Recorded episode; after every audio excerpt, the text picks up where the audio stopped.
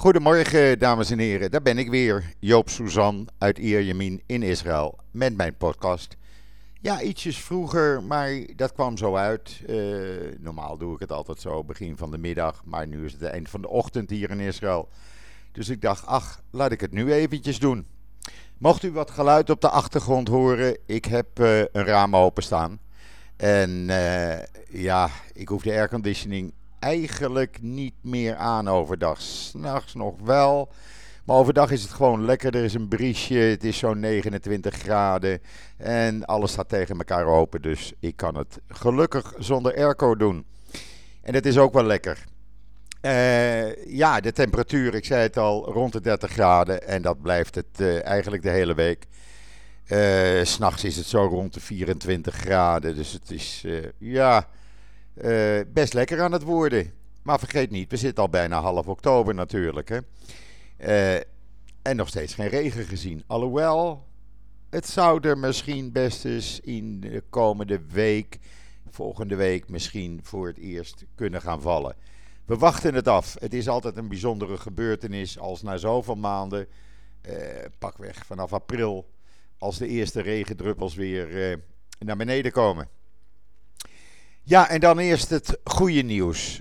En het goede nieuws is dat het aantal uh, besmettingen van het coronavirus hier in Israël uh, aan het dalen is. Dat is al een paar dagen zo, maar dat gaat nu echt de goede kant op. Er werden de afgelopen 24 uur 1609 nieuwe besmettingen uh, geteld.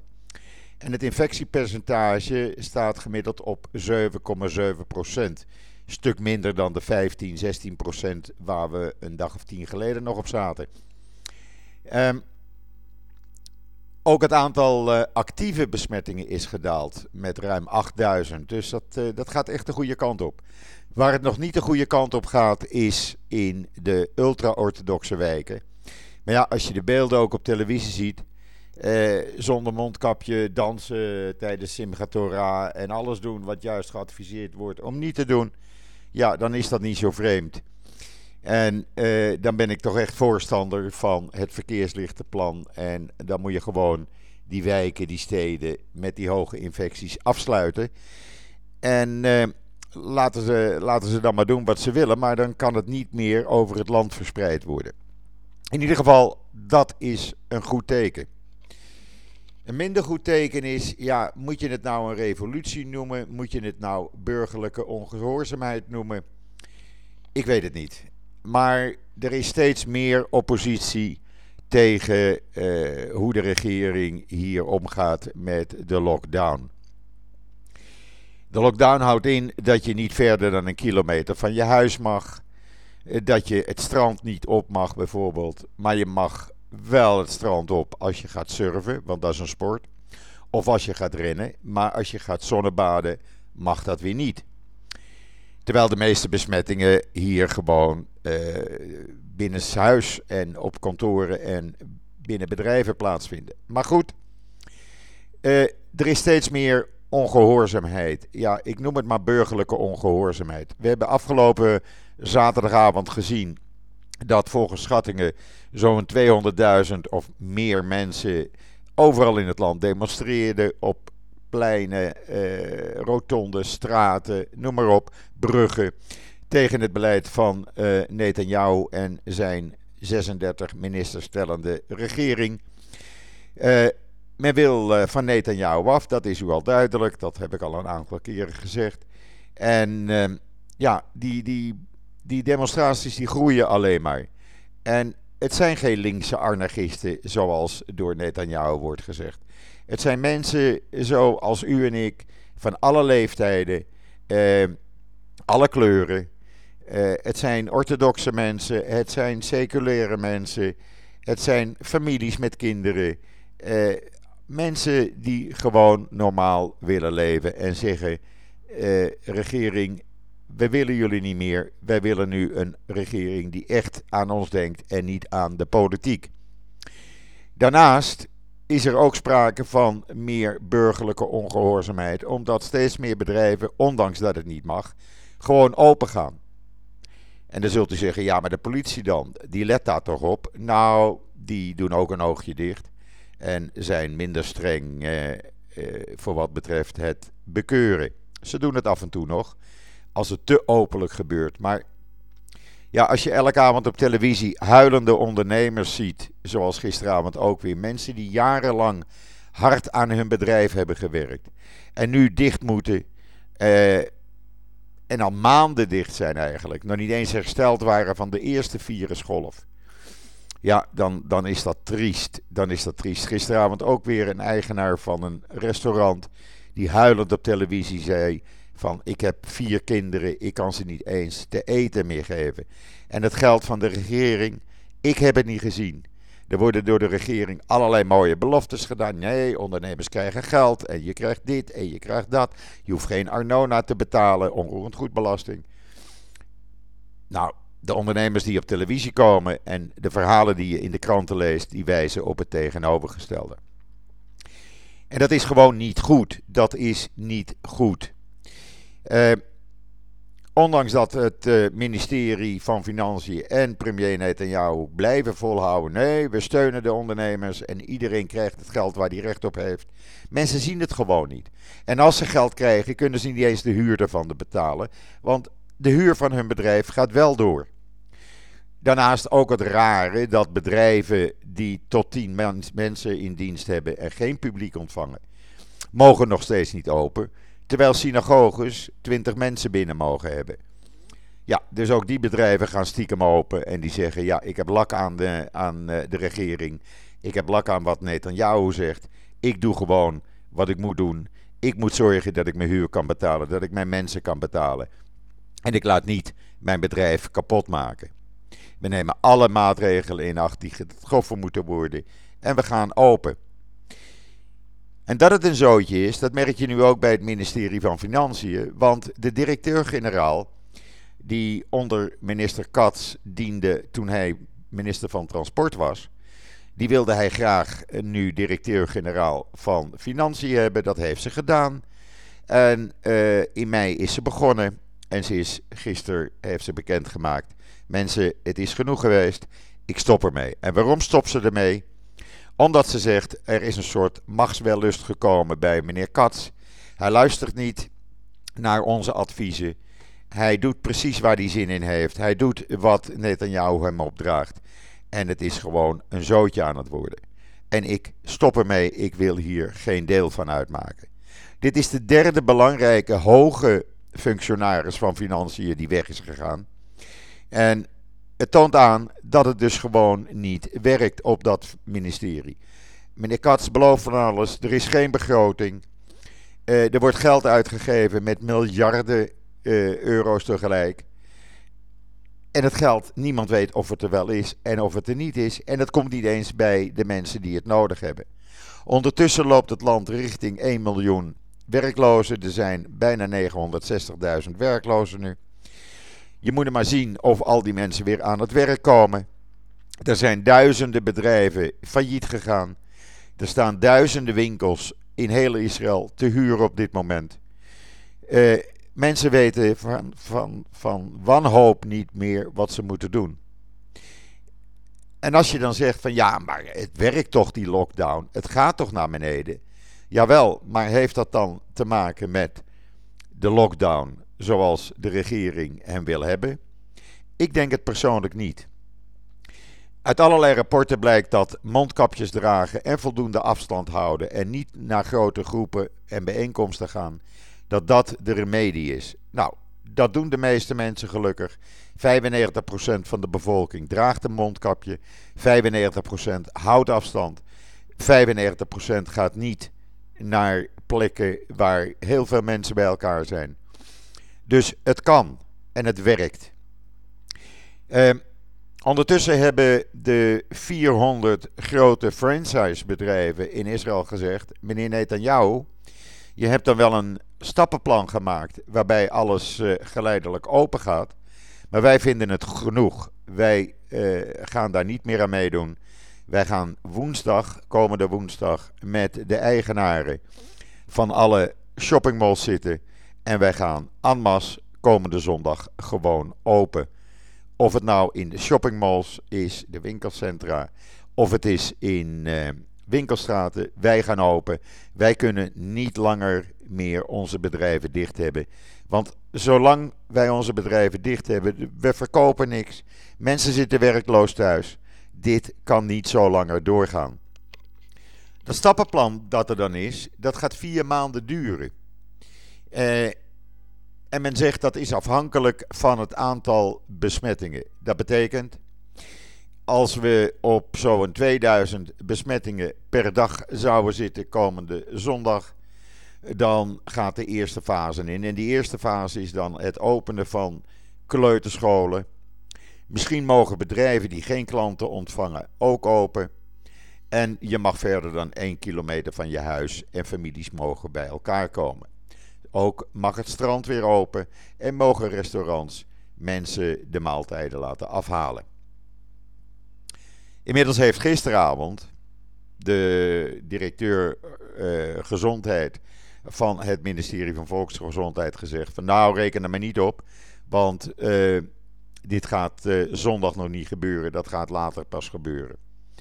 Hoe ze daarbij komt, niemand die het weet, maar het blijkt dat ja, we er rekening mee moeten houden dat die eerste fase zondag wordt uitgesteld. Dan krijg je een tweede fase, die zou dan ingaan zodra er duizend, maximaal duizend nieuwe besmettingen per dag zijn. En men denkt dat dat in begin november is. Dan mogen kinderen tussen groep 1 en 4 weer naar school. En mogen synagoges weer amas mensen eh, herbergen. De derde fase gaat medio november in, maar pas als er 500 besmettingen of minder per dag zijn. En dan zouden winkels, winkelcentra, markten en sportscholen open mogen.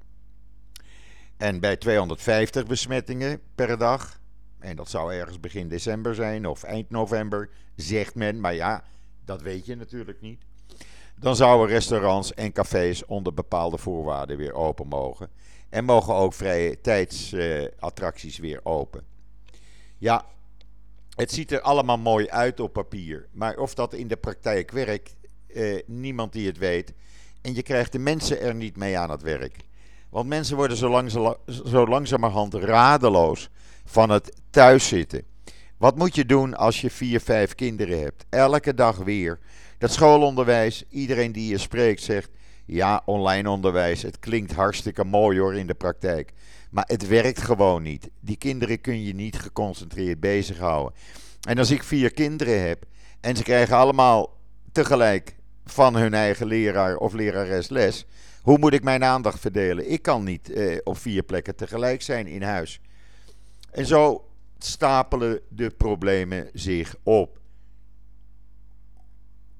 Even een slokje water. En dan is het niet raar als ik, eh, als ik zie dat mensen gewoon radeloos worden.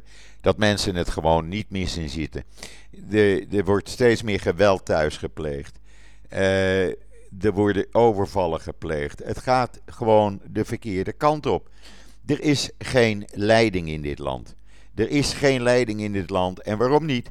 Omdat in Israël de politiek belangrijker is dan de gezondheid van de bevolking. Vanmorgen weer zo'n raar verhaal. Meneer Lietsman, de ultra-orthodoxe minister van Huisvesting, die afgetreden was.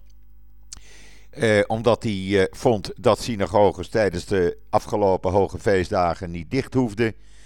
Die, eh, die wordt weer minister. Ja, nou ja, minister. Hij wordt dan onderminister in naam. Maar uiteindelijk wordt hij dan weer minister van Volkshuisvesting. Ja, kom op zeg. Je treedt af. Doei en kom niet meer terug. Want jij vindt je geloof belangrijker dan het land dienen. Maar nee, Netanyahu heeft de, de ultra-orthodoxe partijen nodig. En de rabbijnen hadden gezegd, nou, hij moet maar weer minister worden. Want dan kan hij het ultra-orthodoxe publiek weer dienen. Ja, kijk, dit is geen manier van een land leiden. Sorry, dat werkt niet. Ja, zult u zeggen, in Nederland is het ook een zootje. Wij zitten ook over de 6000 besmettingen per dag. Jawel, maar in Nederland draagt bijna niemand een mondkapje. En dat gebeurt hier wel. En hier wordt echt voldoende afstand onderling gehouden. En als ik nu zie dat mensen eigenlijk die 1 kilometer beperking aan hun laars lappen. En gewoon met de auto erop uitgaan. Uh, de blokkade, als die er is, richting snelweg. Nou, dan ga je gewoon richting andere snelweg. Dan ga je binnendoor naar route 4 in plaats van de kustweg te nemen. En dan kom je ook op je plaats van bestemming. En zo werkt dat. Het is heel selectief. En je kan zien dat er op dit moment echt, ja, dat niemand meer weet wat hij nou eigenlijk moet doen, waar hij aan toe is.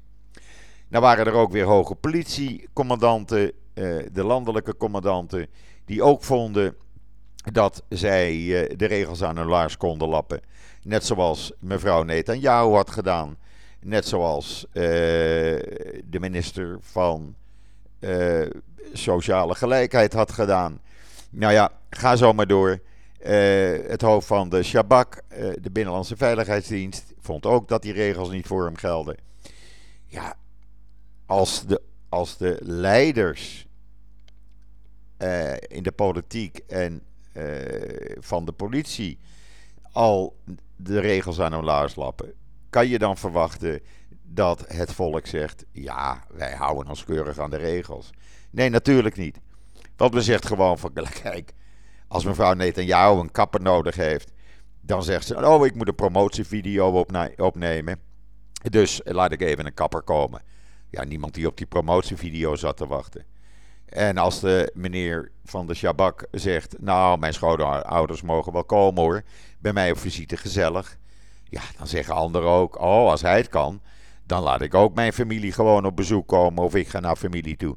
Kijk, en dan krijg je natuurlijk een bende. En dan houdt niemand zich meer aan de regels. En dan uh, is het een zootje aan het worden. En nu ook weer vanmorgen, toen, of eigenlijk gisteravond, werd er bekend dat bijvoorbeeld in de ultra-orthodoxe sector is een geheim programma aan de gang. Waarbij de ultra-orthodoxe uh, sector zegt van, uh, weet je wat, wij behandelen onze patiënten zelf wel. We doen dat illegaal, we doen dat in het geheim. We helpen ze thuis. We hebben honderden beademingsapparaten besteld. En die gebruiken we bij de mensen thuis. En op die manier hoeven ze niet naar het ziekenhuis.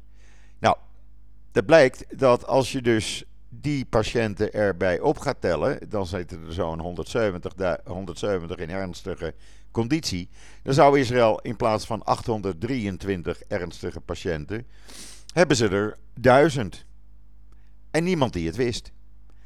Geen van de autoriteiten, zegt men, wist dat dit gebeurde. Mensen worden thuis behandeld. Mensen uh, uh, krijgen medicatie. Ze worden getest. Dat gaat naar twee laboratoria toe die mee willen werken.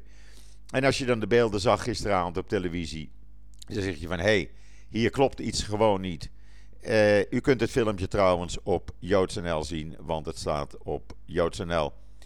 Uh, ja, en dat kan gewoon niet. Je kan niet op deze manier uh, dat iedereen maar doet wat hij, hij of zij wil.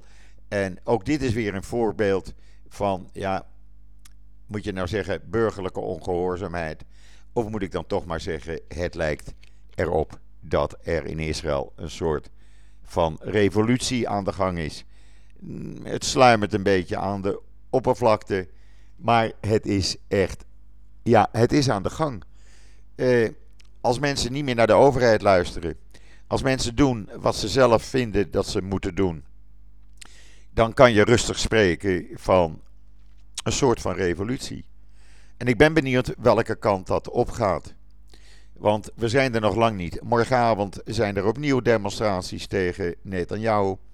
Verwachting is dat die nog groter worden. De organisatoren van de grote demonstraties hebben al gezegd van luister, wij gaan zorgen dat er zaterdagavond alleen al in Jeruzalem 200.000 mensen zullen gaan demonstreren. We zullen ze vanuit het hele land met bussen laten aankomen. Want wij willen een verandering hier. Nou heeft Jair Lapid, de oppositieleider, die heeft een motie van wantrouwen ingediend. Of die het gaat halen, ik betwijfel het. Ik denk het niet. Er zal vandaag of morgen over gestemd gaan worden. Maar ik denk dat White niet het lef heeft om met deze resolutie mee te gaan stemmen. Het zou misschien het beste zijn gewoon een verandering van spijs doet eten, zegt men. Want op deze manier kan het niet zo doorgaan. Het kan niet zo zijn dat iedereen maar doet waar hij zin in heeft. En de regering alleen maar bezig is met overleven, met politiek. Nogmaals, begroting, het is er niet. 23 december is de deadline. Uh, als er dan uh, nog geen begroting is, dan worden de nieuwe verkiezingen uitgeschreven. Dat betekent dat Netanyahu kan zeggen van luister, ik heb verkiezingen, dus mijn proces moet even met een half jaar of langer uitgesteld worden. Want dat is eigenlijk ook wat er op de achtergrond meespeelt. Dat dat proces niet door kan gaan. Het is een hele ingewikkelde situatie en ik denk dat die alleen maar ingewikkelder gaat worden. En het is heel erg jammer. Het is echt heel erg jammer dat het die kant op gaat. Maar goed, het is wat het is. U kunt uh, op JoodsNL natuurlijk uh, alles in de gaten houden, want daar staat al het dagelijkse laatste nieuws op vanuit Israël. Omdat ik vind dat het uh, onze taak is om u te informeren over de feiten en hoe de situatie echt is. Voor wat betreft donderdag, daar verheug ik me trouwens op op mijn podcast. Want ik heb mijn vriend Arthur van Amerongen zover gekregen dat hij donderdag in de podcast is. Uh, Arthur van Amerongen, onder veel van u geen onbekende. Hij schrijft columns in HP De Tijd en de Volkskrant. En hij heeft een boek gemaakt over Connie Mus. Mijn gabber en zijn gabber Connie Mus. En dit is de aanleiding dat ik hem uh, donderdag in de podcast krijg. Het zal geen gewone podcast worden. Uh, Arthur is iemand die niet op zijn mondje gevallen is. Die uh, het beestje bij de naam noemt. En ach, waarom mag dat niet? Het, is een, het is, zal een heel leuk, een hele leuke podcast worden. Een gezellige podcast van twee Amsterdammers die over een Amsterdammer die niet meer onder ons is gaan praten. Onze gabber Connie Mus, die nu de 21 oktober 70 jaar had geworden. Ik verheug me daarop. Ik hoop u ook. En dan eh, zou ik zeggen, maak er nog een fijne dag van vandaag. Houd afstand. Draag een mondkapje. Echt, doe het gewoon. En eh, wat mij betreft zeg ik dan altijd tot ziens. Tot donderdag.